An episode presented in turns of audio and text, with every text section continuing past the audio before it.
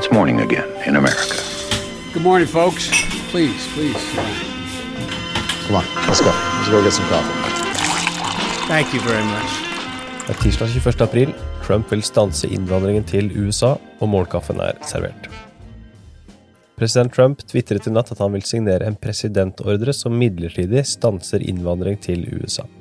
Han skrev i lys av angrepet fra den usynlige fienden, så vel som behovet for å beskytte jobbene til våre storartede amerikanske borgere, så vil jeg signere en presidentordre om å midlertidig stoppe innvandringen til USA. Han sa ingenting om dette på pressebrifen i går, men tvitret altså dette senere. Det jobbes fortsatt med denne presidentordren, inkludert mulige unntak, og budskapet står i sterk kontrast til Trumps uttalelser og ønske om snarlig å vende tilbake til normale tilstander. Trump-administrasjonen har allerede lagt sterke restriksjoner på innreise fra Kina, Europa, Canada og Mexico i forbindelse med koronapandemien. Dagens andre sak, huset er trygt, mens senatet kan være i spill for demokratene. Selv om det er sannsynlig at republikanerne vil kunne hente opp noen plasser i Representantenes hus i høst, så er det lite som tyder på at de vil kunne raske med seg de 18 setene de trenger for å ta tilbake flertallet. Det viser en analyse fra Politico som de presenterte i går.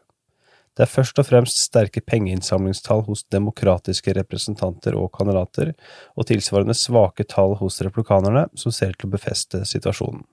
I Senatet er republikanerne fortsatt i posisjon til å beholde flertallet, men Politicos analyse viser at det finnes muligheter for demokratene. Nøkkelen er at en av Maines senatsseter flyttes fra trolig republikansk til et såkalt toss-up, altså at begge utfall regnes som like sannsynlige. Den republikanske nasjonale komiteen, RNC, samlet imidlertid inn 24 millioner dollar i mars, noe som skal være organisasjonens beste marsresultat noensinne. Disse tallene tyder på at koronapandemien ikke slår negativt ut for president Trumps innsamlingsmaskin fram mot valget i november, og New York Times også ute med en sak som ser nærmere på Trumps innsamling mot Biden og demokratenes, og Trump har en fordel på rundt 200 millioner dollar, slik det ser ut nå. Dagens tredje og siste sak, koronakonsekvenser. Ifølge en ny måling fra NBC og Wall Street Journal så mener 65% av amerikanere at Trump ikke tok koronaviruset tilstrekkelig på alvor i begynnelsen. Dette er på linje med tidligere målinger som har vist lignende tall. Koronakrisen har gitt den amerikanske skatteetaten store problemer.